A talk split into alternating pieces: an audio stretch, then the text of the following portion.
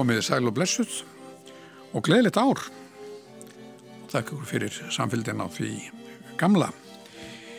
Nú stendur til næstu tvo mánuðin eða svo að ræða það málefni sem mjög mörgum er ofarlega í sinni, bæði hér á landi og reyndar víðam um heim, kannski vonum setna myndi einhver segja, en það eru lofslagsmálinn.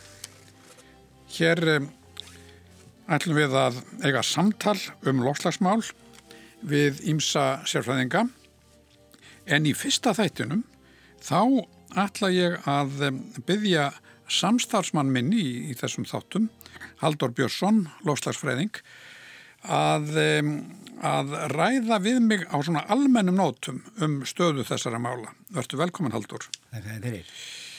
Svo ég segi ykkur aðeins deili á Haldóri. Hann lauk doktorsprófi frá Veður og Haffræði deilt Magill Háskóla í Montreal, Kanada árið 1997. Hann hefur starfað við kennslu og eða rannsóknir við, við Magill, Princeton og Háskóli Íslands. Frá því upp úr aldamótum hefur hann starfað á Veðurstof Íslands og leiðir nú rannsóknir á veðri og lofslægi á stofnuninni Hann er höfundur bókarinnar Gróðurhús áhrif og lofslagsbreytingar sem við Íslenska bókmyndafélag gaf út árið 2008. Haldur er formaður vísindanemdar um lofslagsbreytingar sem gaf út skýrslur um nattrænar lofslagsbreytingar og áhrif þeirra á Íslandi árið 2008 og 2018. Og þetta fá þig til samstarfshaldur og um, þessi lýsing hún gefur til kynna að um, við ætlum ekki að setjast hérna og að fara að spá í spil. Það stendur ekki til að, að ná okkur í kristalkúli eða tarra á spil eða neitt þess að þar þá að sömu kannski gerir slíkt um, um áramót. Uh, markmiðið er að ræða hér um, við fræðimenn og fræðilega uh, um lofslagsmálinn Hins vegar bara svona rétt til að það er kannski fyrsta spurning til þín. Finnst þér, finnst þér ánægulegt að áhugin er loksins orðin svona mikill á lofslagsmálum að þetta stendur upp úr hverju manni sem þegar við bara e, hlustum á ræður og, og, og umfjallanir ímsöðurum áramót þá erum við virkilega með þá hljómar þetta þannig eins og menn séum meðvitaður um lofslagsmál, lofslagsvandan eins og menn segði gerna Já og sjálfsagt sko ég er reyndar veldið þessu ekkert mikið fyrir mér sko. Í manningtíman þá var félagi minn Haraldur Ólafsson spurður um saman veður og hann svaraði eitthvað á það hann skildi ekkert í því að fólk talaði um nokkuð annað en veðri og ég held að það sétt aldrei algengt hérna með okkur sem erum fagmenn á einhverju sviði hvort sem að það er hérna fræðasviði eða, eða eða einhver ingrein að hafa ofta engan áhuga á neinu öðru eða allavega hafa langt mest gaman að því að tala um, um sitt fagsvið. Og þess vegna sko er það auðvitað þannig að, að ég verð var við miklu meiri áhuga og miklu meiri umræðu. Sumt af því er ég mjög sáttur við annað er ég ekki sáttur við og, en það er líka eitthvað sem ég þarf að sætta mig við og hef gert fyrir lungu síðan að þetta er ekkit umræðu sem ég einn á. Það eru mörgöndu sjónhandi sem koma fram og hérna og þau eru algjörlega þvert ofan í mín. En þó er það nú samt þannig að þegar kemur að vísendunum svona reynd út þá, þá er nú er, er þetta nokkuð, þetta allt tiltöla ljóst fyrir og ég vona að við getum svona komið því dálítið að í þessum þáttum að, að það er tiltölulega uh, mikið svona menn eru tiltöla sammála um stóru myndina þó að séu auðvitað ímislegt sem menn vita ekki. En það er hins vegar þannig að að eh, þá að sér tala með notarendur orðin svo afneitunar sinnar og sem er kannski alltaf neikvætt og sem er segja lýsið þá roka þeirra sem telur sér þetta betur. En það er kannski ekki afneitun heldur það virðist vera þannig að ímsið telji að það séu, það þurfi að ræða þenn, þennan vanda á mörgum eilega stegum að þó að þó mann sé ekki að bera breyður á niðurstöðu vísinda þá segja sumir já en við verðum að tala um þetta þannig að við verðum að eigða óta hjá börnum og annað þess að þar Já og þetta er það rétt sko. Það skiptir held ég mestu mála umræðan sé sönn og í sann ræmi við raunveruleikan sko. Uh, ég sá einu sinni samlýtningu nákvæmlega þetta efni sem var tekin af, hérna, einum af lærifæðurum mínum í Princeton um það að fólk sem að væri statt í bát og væri að reka niður ána. Já. og sumir segðu við þurfum að stoppa strax og fara í land því að það er foss hérna fyrir neðan og aðri segðu það er engin foss hérna og, og svo væri einn hópur sem segðu það er allt í lagi, þetta er bara flúðir, við getum farið yfir þetta. Og það væri þessu umræða í gangi. Og, og hérna þá skipta náttúrulega mestu máli fyrst í stað að gera sig grein fyrir er, er fástæðna sko, Hver er, hvert er ástandið?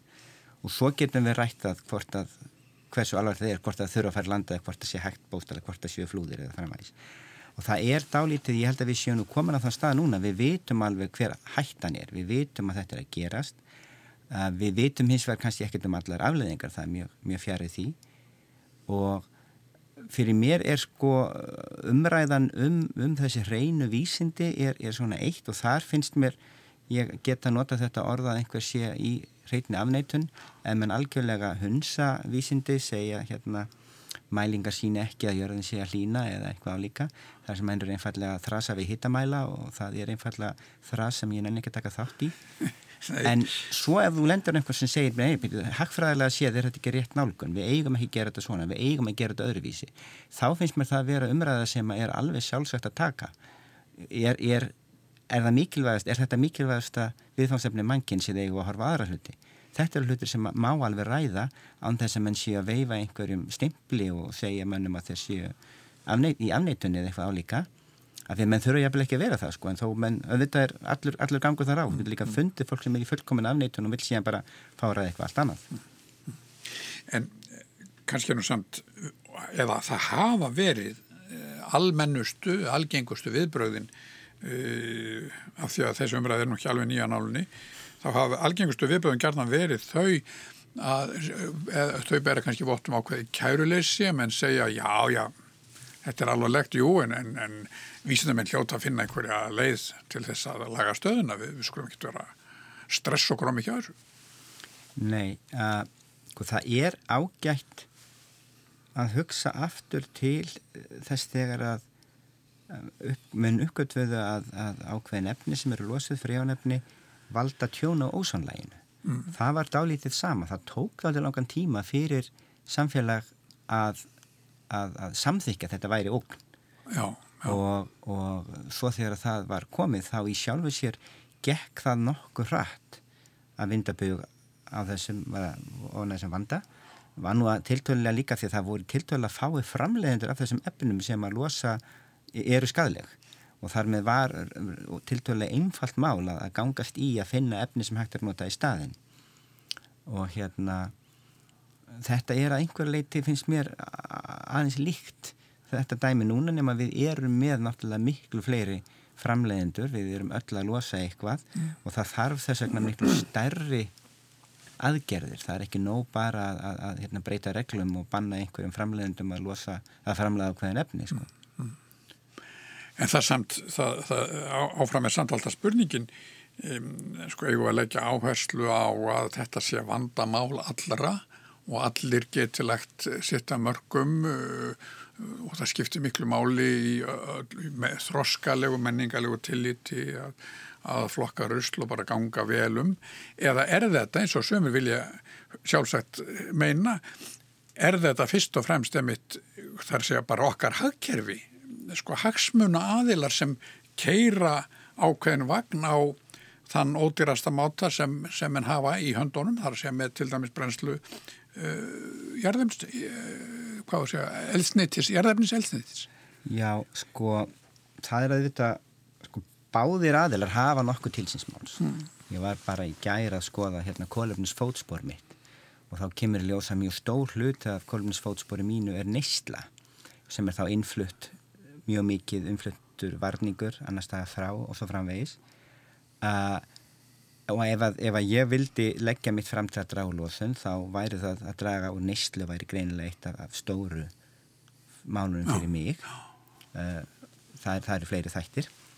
En hérna en það má samt ekki alveg tapa sér í því að segja að þetta er sko sér hver ein, einstaklingur, þetta er honum að kenna því að ábyrðin, þá erum við aðeins að færa ábyrðina frá þeim sem hefur eitthvað vald til að bregðast við því sem eru stjórnvöld. Þetta er nattrænt vandamál og það þarf samvinnu þjóða til að leysa og það gerum við ekki á nokkur annan hátt en það að hafa ríkistjórnir sem að taka ábyrða vandanum og ef að þessi en gera það og með, með allþjóða samkommulagi, með því að verleggja losun og svo framvegs, þá myndu þau áhrif síðan fyltra niður í neyslu til okkar mm. Og það er auðvitað sjálfsagt að við tökum þátt í því með því að vera ábyrgir borgarar. En, en við getum ekki leift þeim sem að losa mest oljufyrirtækjum sem að framleiða þessa vöru, ríkistjórnir sem að hérna grafa eftir kólum og hafa engan áhuga á því að hérna, gera neitt í málunni við getum ekki sleft þeim og sagt nefn við ætlum öll að fara að flokka röst það er ekki þannig sem það virka þetta þarf, þetta er nattrænt vandamál og það þarf að leysast á því með það í huga að þetta er vandamál sem ríkistjórnir þurfa að takast á við og þess að segja ofti fólk það spyr mig hvað á ég að gera þá segja ég kjóstu einhvern sem hefur vill taka á þessu vanda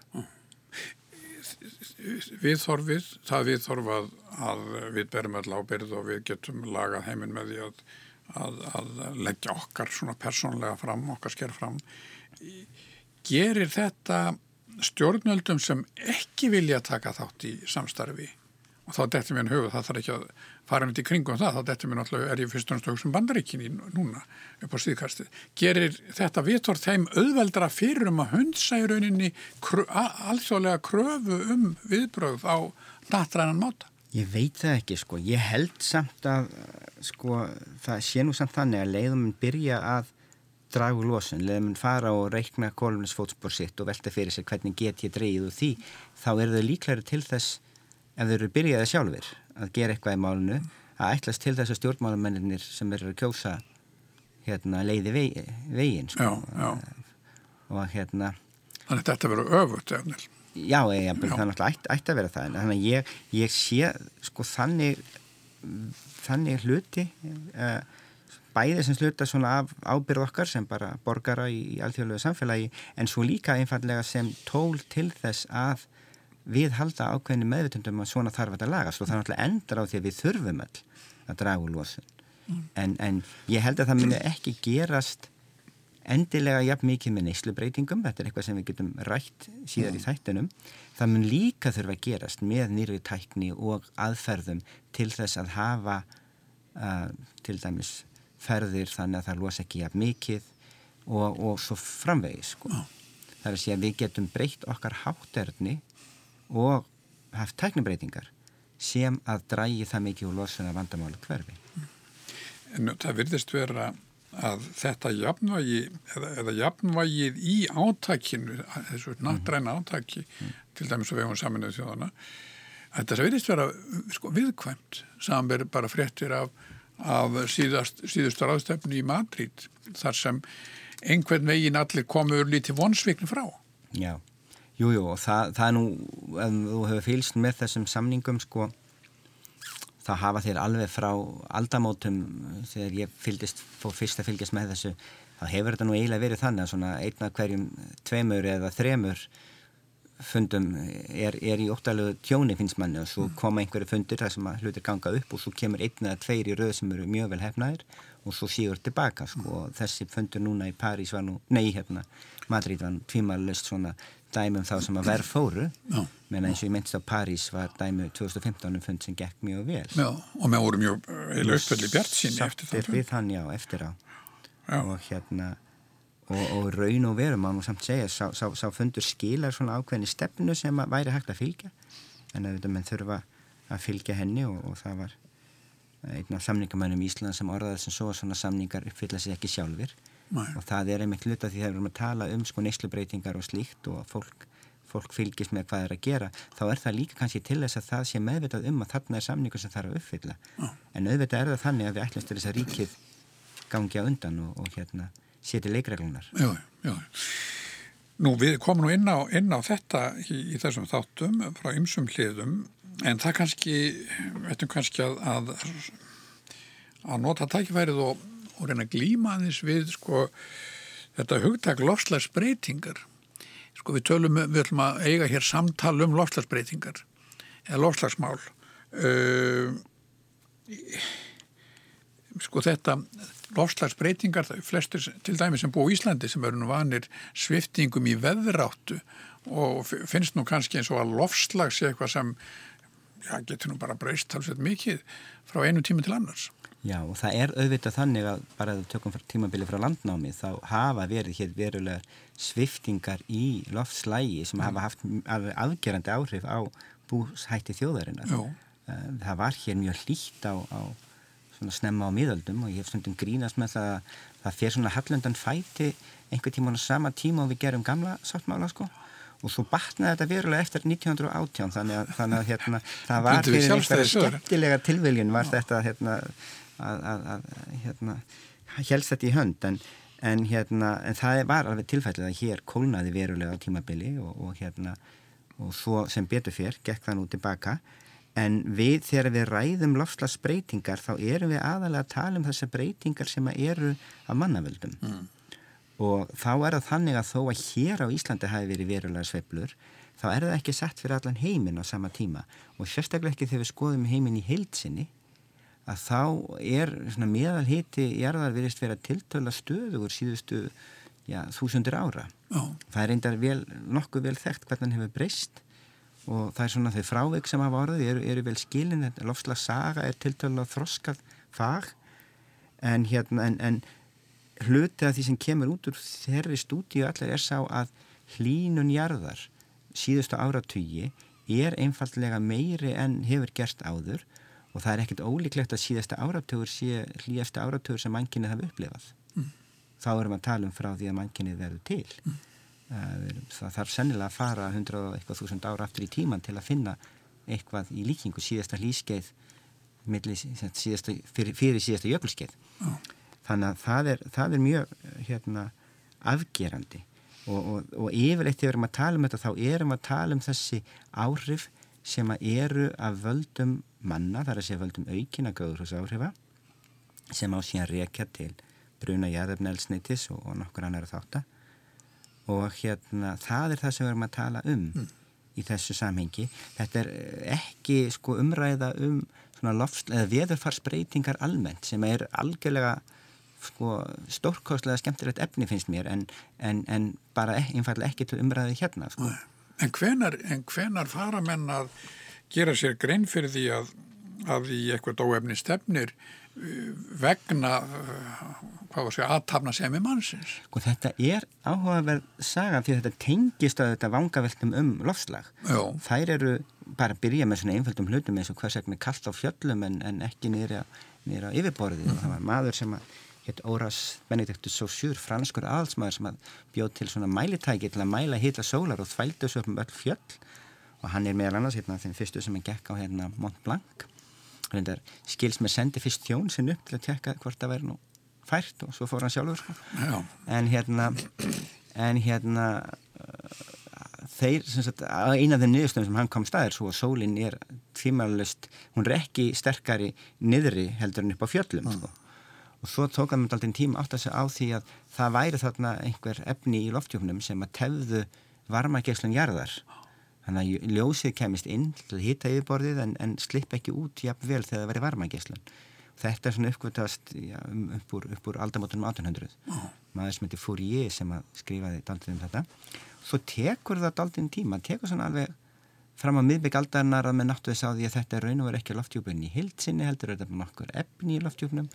Svo farum við að reikna út úr því og það er svona rétt fyrir aldamóti 1900 þegar að sænskur maður heit Arrhenius sem er Nobelsvöldana hafi í, efnafræði hann svona uh, kveikir að þessum, gerir það sem getur kallað fyrsta hérna, lofslagslíkanið reynir að reikna út hvað hvað, hérna, hvað muni gerast ef að við draugum úr 7-2 í loftjöfnum því að þeir voru alltaf að velta fyrir sér þessi menn hvernig stendur á ísöldum. Það var eiginlega stóra spurningin þegar þeir voru að glíma við og svo var það svona sem bóstala hliðarskrefa því að kollegi hans sem hétt hérna, báminni mig uh, var að velta fyrir sig hvað gerist ef að hérna, við aukum styrk gróðursaloftíðanda ætti það ekki að hlýna mm. og hann var auðvitað sem kólabröðna sko. og Arrhenius reiknaði það út líka sko, og komst hann í því stöð sem reyndar glettilega rétt og hann hafði kannski verið meira hefni en, en annað en hérna þannig að þetta, þessi hugmynd er mjög gömul. Hún er meira en 100 ára gömul. En það er raun og veru ekki fyrir en svona upp á 1970 sem er að koma með líkon sem geta svona hermt þetta svo vel sé. Það sem getur sagt þetta er trúverðu eðlisfræði sem er hérna bakvið og það er engir augljósi gallar á þessu.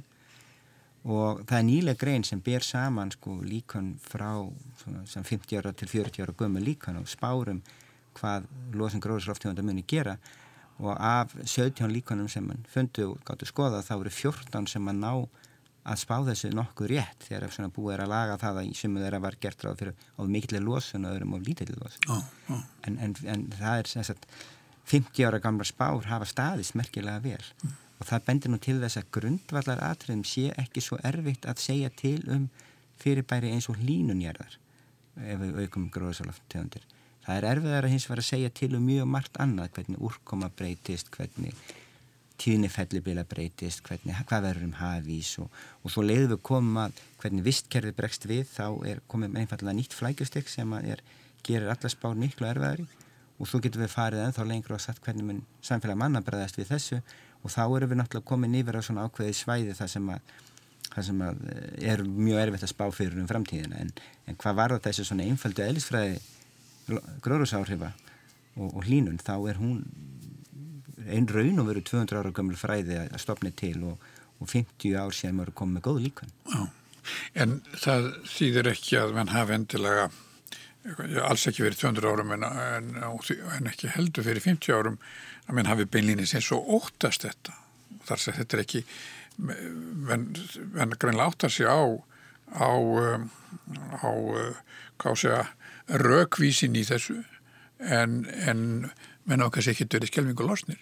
Nei, það er náttúrulega kannski, eh, sko þetta er vittneska sem er til meðal fræðimanna sem að skoða þetta og þetta er kannski hérna ekki sá hópur sem að kannski er mest fyrir hérna upprópanir eða slíkt og, og hérna þá að þeir hafi nú maður sér alveg þegar maður les hvað menn skrifaði, menn flestir held í keldu að þetta er hérna hópar sem að sko telja að allir muni hefða sig jafn rökrétt og hérna þeir eigi að gera mm. og þar með yrði vandamáli list upp á 1980 sko. oh, oh. en það hins vegar gerðist ekki og, og það svona er ákveðin tækifæri sem tapast á þeim áratug mm. og hérna, hérna fram undir sko Ríó ráðstöfni 1992 þá var þetta alltaf siglingu dáltið til að menn held að þetta myndi nú lagast síðan tekur þetta langan tíma að semja um, um, um Kyoto sem er 1997 en eftir það hefur verið aldrei mikil kyrstæða í, í, í hérna þessum málum, það er að segja maður reyndir, maður er að taka umræðum um Kyoto, það er samkominlag mm. sem að þessum innríkinn lofa að draga losun. Þau stóðu að mestuleiti við sitt, allavega sem heild þá að gerða nú ekki öll einstaklega. En hérna eftir sem áður þá jógst losun mannkinn skrýðarlega því að hún færði svo mikið yfir til Kína og, og svona þeirra þróunarlanda sem voru mjög hrætt vaksandi og voru undan þegin ábyrð í Kyoto samkominlæginu mm. og hérna þannig að það uh, sko Þetta er nákvæmlega þetta sem auðvitað setur menn í ákveðin vanda ég tala ekki um að maður vilja fara að setja einhvers slags uh, siðferðilega mæli hvarða inn í, inn í dæmið. Það, það að skuli vera þessi misröðun í, í, í heiminum. Að, að fyrsti heimurinn, yðnbildingin, yðnvættur ríkin eru búin að, eh, hvað sé að leika lausum hala í svo og svo marg áratvíi en, en svo þegar kemur að möguleikum eh, þróunaríkjanna til þess að bæta kjörsinn, þá er bara sagt, herru fyrir ekki, þetta er ómulig, við erum búin að komast að því, þetta er ekki hægt, þetta er vond aðferð. Já, og það er alveg, sko, tilfellega er við skoðum núna hvaða þjóðir hafa losað mest, það er hérna kynverðar er að losa mest, þeir losa vísu ekki jafn mikið á mann og bandrækjumenn gera. En hérna en hérna ef við spurjum okkur hvaða þjóðir hafa losað mest gegnum tíðina hverju uppsöfnir losun? Og það skiptir máli af því að CO2 lifir í loftjóknum afskaplega lengi. Mm. þannig að svo losun sem á sér stað uh, 1850 hluti hendur er ennþá með okkur. Mm. og ekki öll að vísu það er bara mikið dóttuð út. En það skiptir máli þess vegna að skoða uppsöfnaða losun. Og uppsöfnuð losun er hérna merkilegt nokk þá, þá svona hegðar hún sér, maður skoða grafa uppsafnari losun og móti grafa hlínun þá passar þetta nú alveg förðu vel saman og hérna hann er menn hafa oft hort á þetta og sagt þá ykkar ábyrðað svo svo mikil og þá er það náttúrulega gömlu Európa þjóðurnar ah. það sem eibildingin byrjaði Þískaland, Breitland og þessar þjóður já, já. Eh, Bandaríkin alls ekki jafn mikið af því að þau byrjuðu þau innvætust ekki fyrir en síðan og Kína síðan heldur ekki jafn mikið af því að þau innvætust bara nýlega en hérna en, en síðan eftir 2010 þá áttamensi svona kem hægt og róla áttamensi á því að næsta skref þegar Kyoto samkommalagi verið framlengt það þarf að taka harðar á þessu og þá er ekki hægt að segja við sumartjóðir því fáið fritt spil mm.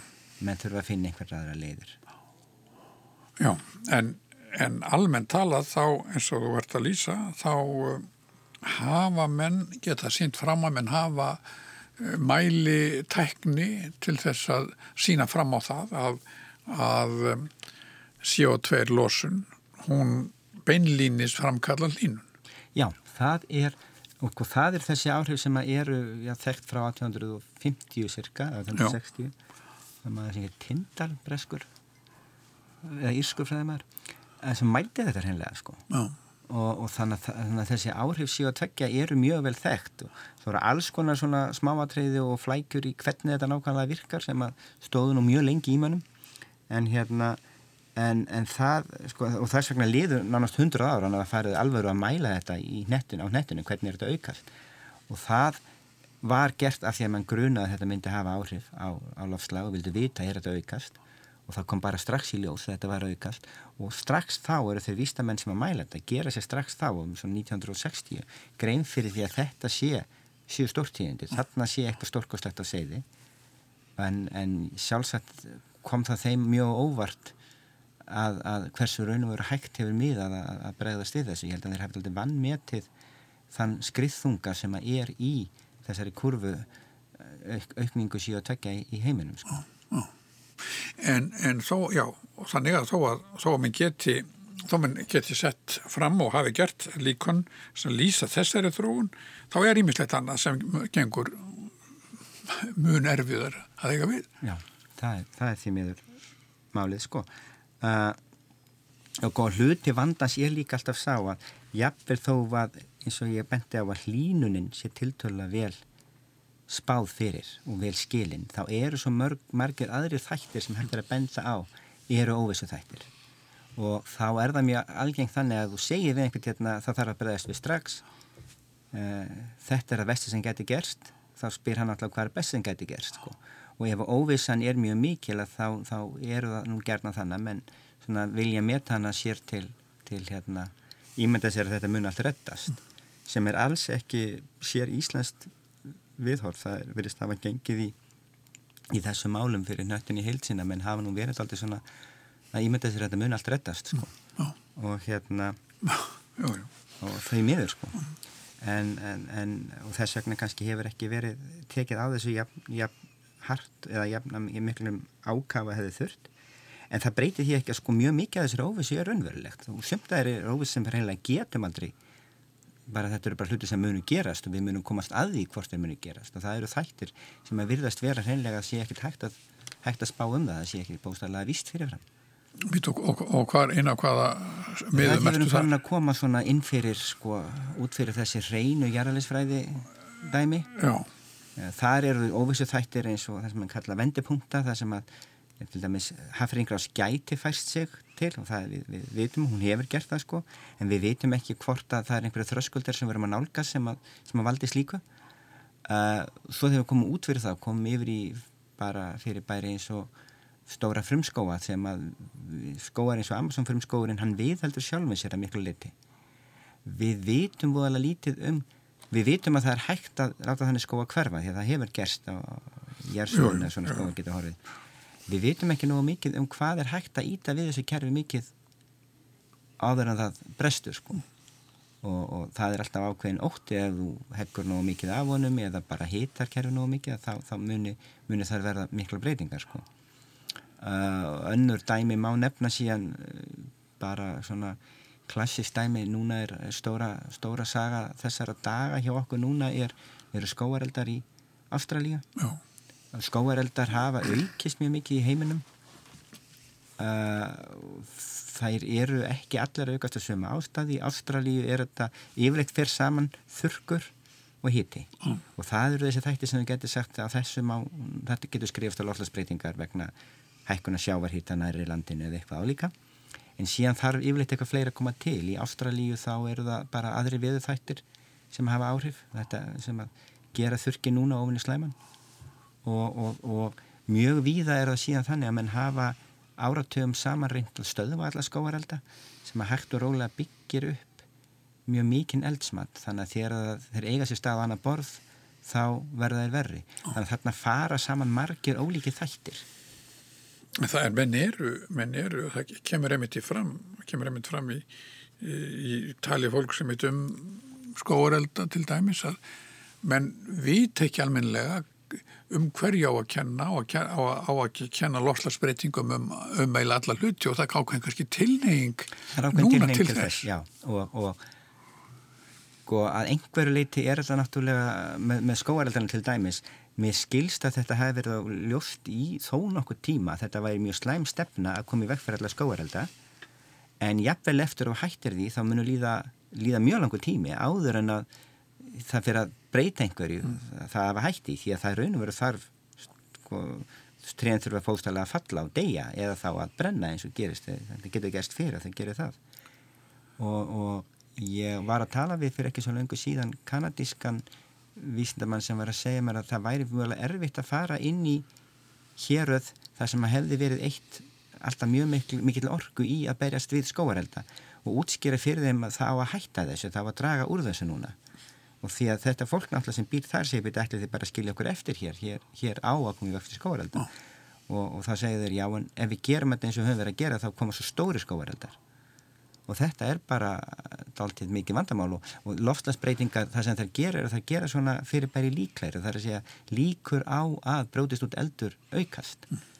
en, en það er náttúrulega langt líklegast að fyrir en síðar það hefði ef maður farið í þessa stefnu að, að stöða elda þá hægtur ólega byggja upp það mikil eldsmætt fyrir en síður hefði eitthvað gerst mm. það er held ég flestir sammálum að, að sé, sé vandi sko.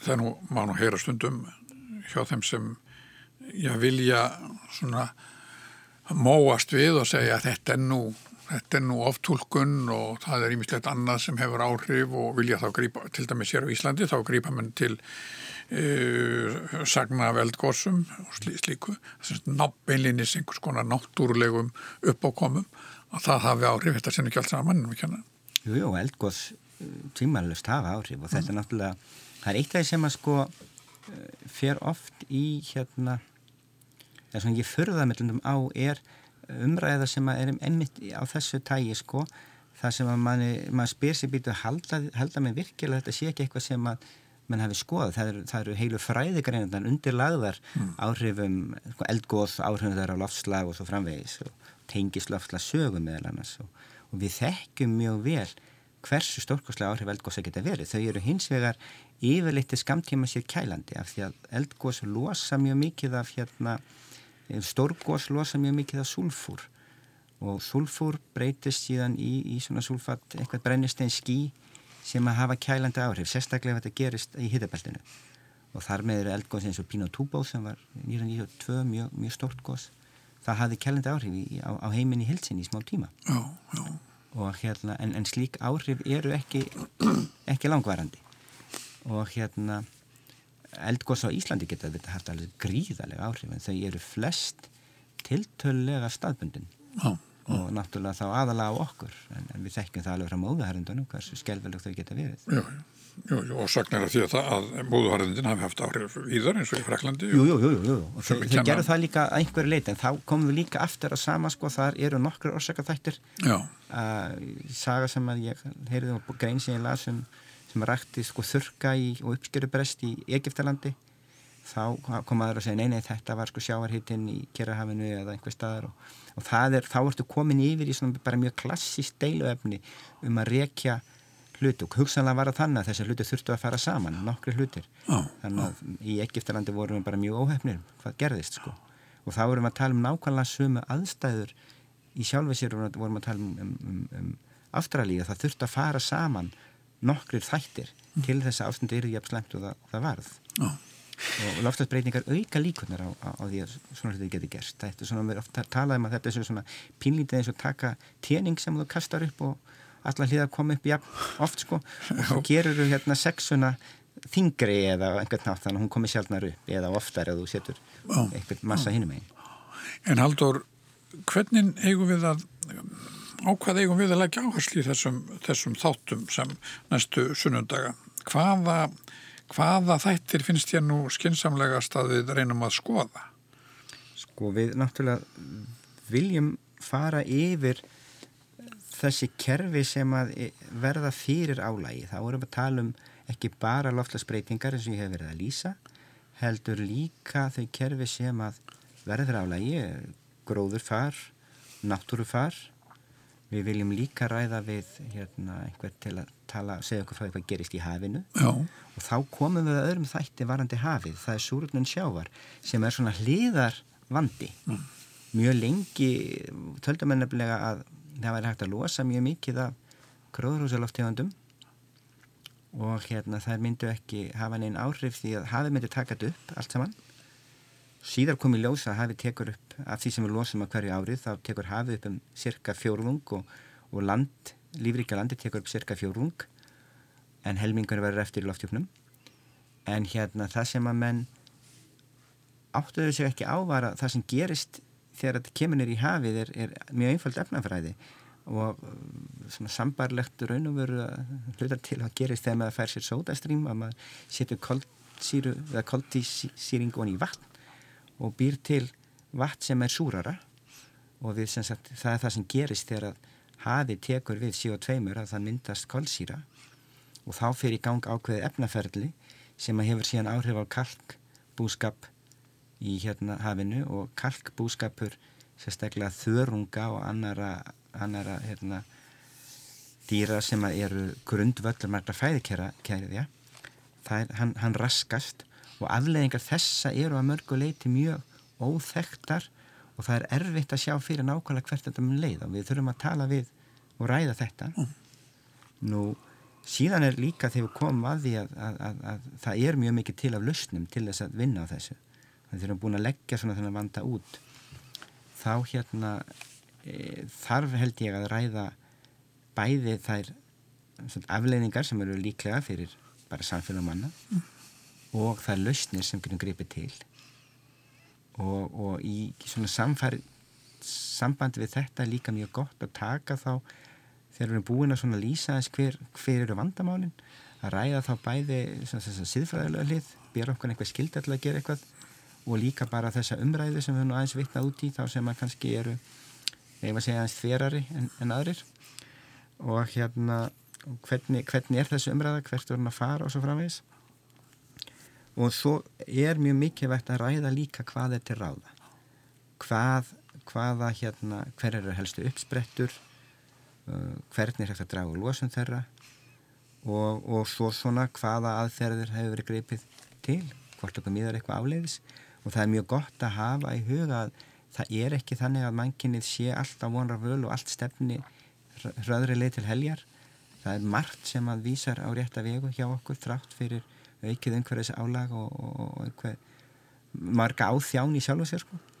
en þá, þá, þá er margt sem gefur einhvern tilmynd til bjart síni og það er sjálfsagt að fara yfir það því að, því að þetta er mjög fjarrið að vera tapat spil þó svo að við höfum kannski dvalist alltaf mikið í því að tafist á leiðinni Þannig að já, við, við, skulum, við skulum gera, við skulum fara í þessa þætti en bara svona af því að af því að þú sittur hérna og við höfum verið að tala með um þetta á almennum nótum. Sko ertu, þú sagðir að þetta er ekki tapaspil sko þú ert, það blundar í þér einhver smá bjartinismæður Ég er náttúrulega algjörlega hérna óforbetranlega bjartinismæður og hérna ég held að sko það er náttúrulega liðin svo tíð að, að, að við getum komist hjá þjáningum. Og það hérna, hefur verið orða þannig að það séu þrý kostir sem að mann kann standi fram með fyrir. Það sé að dragulósun það sé að aðlagast þeim breytingum sem að muni þessu stað og það sé að þjást mm. og því miður er ástandið orðið þannig að það er ekki hægt að velja sig frá neinum þessara kosta ekki lengur. Það er að segja við auðvökslega hlítur verkefni að vera að draga úr losun og aðlagast eins mikið við einn gert Já. til þess að reyna að draga eins mikið þjáningu og hægt er. En því miður er þetta bara þannig að það er of seint að, að stöðva allar þjáningu sem stafar af þessu. Uh, en það þýðir ekki að það sé ekki hægt að draga úr henni og það þýðir ekki að það sé ekki hægt að bregðast við af, af ákafa. Og bara gott dæmi ég var að skoða tölur um, um hérna náttúruhamfarir og veður tengdar hamfærir og veðurtengdar hamfærir ymsar aukasta styrkleika og, og, og það er mörguleiti verri veður en, en við sáum áður, meiri aftaka veður en það er alls ekki þannig að öll tjón hafi aukist vegna þeirra því að nú getum við spáð fyrir um fellibili betur en við gátum áður við veitum nokkra með nokkra daga fyrir var oft hvar þau muni lenda að við erum með betri viðbræðskerfi mjög víða í heiminum og það sé auðvitað, við heyrum auðvitað alltaf um staðana þar sem það gekk verst En það er þannig og það er búið að vera á vegum saminuði þjóðana vinna í gangi núna í 20-30 ár að reyna að hafa samhæfðar aðfæðir og aðgæðir til þess að draga úr hérna, hamförum og til þess að bregðast við. Þetta er eitthvað sem að, er ákveðin aðferðafræði sem að mann hafa tekið eftir að virka og hægt er að keira við og hérna þannig að það er, það er margt sem hægt er að gera til að draga úr álæginu. Mm. En auðvitað verða allar aðgerðir sem við gerum til þess að aðlagast þessu til að draga úr álægi til þess að hugmyndina það svo að draga úr þjáningu þær munu vera til einskis ef við draugum ekki úr losun við verðum að draga úr losun og hún þarf að fara niður hratt þegar að, en þrátt fyrir að gera það þá verðum við líka að hafa að, aðgerða áallunum hvernig við ætlum að bregðast við og framfylgja henni. Og bú okkur undir að þjóst Ég sko, tak, ég var að segja að reyna lámarka Lámarka, sko. ég, ég, ég sjálf og sér, held að það búi sem nú enginn sjálf og sér undir að þjásta en menn kannski að sama ástæðu þú tekur tryggingu út sko, þú ert ekki að búa þau undir að brenni húsið þitt en þú tekur nú samt tryggingu. Já, já. og er, þetta má, má líka yfir það, Vi, við þurfum að búa til og, og, og, og kom okkur í þann hérna, það, það vinnulega að við getum lámarka þá þjáningu sem annars hlotnast eða já. á þessu stað En segð mér svona Sko nú, nú verður, nú verður maður stundum var við það og, og þetta frægasta dæmið um áhyggjur ungmenna er, er, er bara átt að Greti Thunberg. Mm -hmm. Sko áhyggjufull börn og, og ungmenni er, hvernig eiginlega upplifur þá er áhyggjur? Sko, mér finnst Greta Thunberg, hún er oft gaggrínt ef ég verði að vera við, en tilfellar Greta Thunberg talar yfirleitt tiltölulega satt og rétt frá öllum vísindum, það er mjög lítill miskilningur hjá henni. Og þegar að hún skammast í ráðamönnum fyrir að hérna ger ekki nóg, þá er hún yfirleitt að vísa í ákveðina töflu, í ákveðinni skíslu hjá saminuðu þjóðunum, það sem var reiknað út hvað má losa mikið svo að hlínunjarðar haldist við sem hafa góða líkur á að sleppa við að hlínun færi við einu hálfa gráðu. Mm. og síðan þegar búin að reikna það þá getur þú spurt þig hvað miða við núverandi losun? Hvað hefur við langan tíma til stefnu? Já. og þá er einfallega augljóst þegar maður fyrir yfir þetta það er mjög líl tíma til stefnu. Við erum ekki að tala um 10 ára við erum að tala um áratug kannski hugsanlega 2 ára 10 á þannig að losun þarf að hafa dreist verulega ára og við erum nánast stöðvast. Ef við ætlum að sætja okkur eins og að við lélegri líkur þá getum við losað aðeins lengur.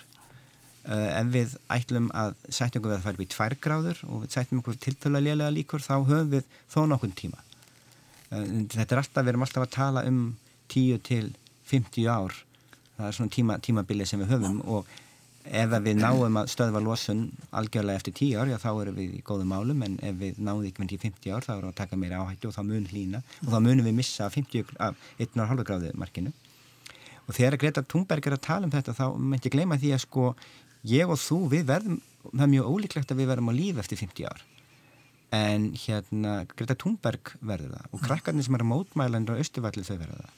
Þannig að mér finnst að þau hafi vissa, vissan rétt á að mótmæla því að fullanda fólkið sé að búa sig undir að skilja eftir heim það sem verður að taka verulega áhættu með þeirra framtíð Það er þetta reyðin og reyndar hugan að að um, þessi, þeirri umtöluðu bók Andrasnæs Magnússonar um tíman og vatnið þar að segja að þar virðist hann vera, vera að reyna að hjálpa mannum til þess að upplifa tíman, að gera sig grein fyrir tíman. Já, það er reyndar einna skemmtilegasti kaplin í þessari bók eru vangaveltinar um þetta sko hann man eftir ömmu sinni sem man eftir ömmu sinni Já.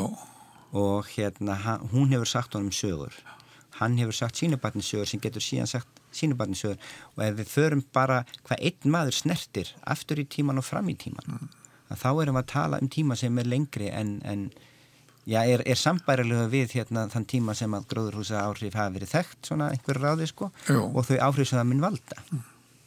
það er að segja hérna Andri Snær hefur talað við fólk sem mann mann eftir þenn tíma áður en mikið losun á þessu staði allavega hefur talað við fólk sem mann eftir þenn tíma mm, mm. og hann talaði við dóttur sína sem mann mun hugsanlega geta talað þá við, við einhvern sem verður á lífi laungu eftir að áhrifin er óðin mjög, mjög mikil sko. mm, og þetta finnst mér mjög skemmtilegur þetta rammar þennan tíma mjög skemmtilega inn og er raun og veru ágættis leið. Ég vind aldrei í sjáar yfirbors hækkunar málum og við erum mikið vang, með vangaveltur um þetta hvað, hvað þarf að gera ráð fyrir mikill að hækkun. Og vandin við það er dáltið að sko svarið fyrir alfarið eftir hversu langs tíma þú ert að hugsa til. Ef við segjum má einhver bóndi byggja hérna skemmu á, á hérna landið næri sjó og það má ekki hækka meira en einn meter sko, hann er komið í vandræði þá er það líklega allt í lagi því að svona skemma minn hvort það aldrei endast nema í nokkur nokkur áratíu, kannski 20-30 ár sko. en ef við byggjum heilt hverfi þá verður það ennþá þarna eftir 100 ár Ó. það getur verið, verið að við skipt út mörgum húsum en hverfi verður þarna mm. það verður ennþá sömu götur, sömu, sömu hérna, sama skipilag og vandin í sjávarstöðumálum er aldrei sá að þetta fyrir alfarið eftir til hversu langs tíma ætlar að hugsa og þar er ekki neins svona neinn regla sem henn hafa sko. skipula skal hugsa til 100 ára og eftir það segjum við bara bara að rötta það sjálfur sko. og mér finnst bók andra hún, hún er alltaf skemmtileg í þessu samhengi því að hann er raun og verið bendir á að við getum verið fólkið sem við erum að ávísa vandraðinum á það er annarkvort nýlega fætt eða, eða, eða verður fæðist á næstu áratum og aðalega sem þekkja þá eru nú þegar fættir þannig að þetta fólk er okkur næri tíma með höldum. Mjög mikilvæg mikilvæg tekni við að upplifa tíman Já. sem að beitir en Haldur Björnsson svona rétt að lokum þessa fyrsta þáttar uh, mér langar þess að byrja að fara úr sko vísindamannsgallanum og, og, og velta fyrir þér eða sko ég með að spyrja þig um, um svona þína sín á bara breytingar yfir leitt, sko er einhver sko gefur framþróun síðust áratuga í ýmsum málum sem, sem henn hafa skilgreint sem vandamál, þú veist fát, fátækt og uh, hérna skortur á læsi og, og hérna missetti kynja ýmsuleiti gefur þetta einhverja ástæðu til bjart síni að það sé hægt að ráða við lofslagsmálinn Sko, það gerir það vissulega. Við myndumst áðan á sko ósóneyðingu. Já. Þar náðu mennast nú þessu við. Sambærlegt dæmi er, hérna súrtur regn. Uh, ef við tölum bara um venjulega svona hluti, kannast kannski við þúsaldar markmiðin mm. sem að miðaði og trima fátækt. Uh, þú mannst kannski eftir hérna að tala mikið um fólksfjöldasprenginguna. Jú, jú báðir þessi hlutir í sjálfu sér sko hefur miðað í rétt átt. Fólksfjölgun er ekki lengur sama vandamónum var einfallega því að fæðingum hefur hægt að fjölga jafn mikið og þeim var áður. Og þegar að fæðingar ná jafnvægi þá tekur það einn mannsaldur fyrir toppin að, að ná fram og síðan, síðan mun hérna, mannkinnið ná stöðleika og líklega bara mun svo dýnamík sem veldur því að fæðingum fór að fækka halda áfram. Þannig að mannkinnið mun ná hámarki í einhvern meðlega miljardum og svo koma niður aftur. Það er óvissað við þetta á því hvað það er. Fyrir aldrei mikið eftir hvað langlíði verið mikið. Mm. en það er þannig að það er fullt af hlutum sem að, sem að vísa í rétta átt. Fátækt fyrir rétta átt uh, mentun kvenna og mentun almennt í rétta átt uh, heilbrigði og hérna fólksfjölkun það er mjög margir þættir margir vísa sem að miða í rétta átt. Og það er sjálfsagt að hafa það í huga að flestir þessi vísar þau farið rétt átt vegna aukins alþjóðasamstarfs vegna þess að það eru aukin viðskipti, það eru aukið bætt regluverk, það er bætt bara svo umgjörð sem að hérna, við leikreglunar okkar hafa batnað og hérna bætt uh, heilbreyði og ímislegt slíkt vegna bættara læknisfræði og annað. Og, og hérna þetta miðar í rétt átt og það er alveg sjálfsagt að hafa það í hugan þetta bendir nú til þess að við gætum með bara nákvæmlega sömu aðferðum að hafa dugað hinga til haldið áfram og, og unnið saman og leist þetta vandamál. Þetta verða loka orðin í dag og eru bara bísna bísna björnt Haldur Björnsson, loftlagsfræðingur þakkaði fyrir að, að spjalla við mig hér í þessum þætti og eins og kom fram í byrjun þá ætlum við Haldur að setja hérna ásamt góðum gestum næstu, já, næstu tvo mánuði. Verði sæl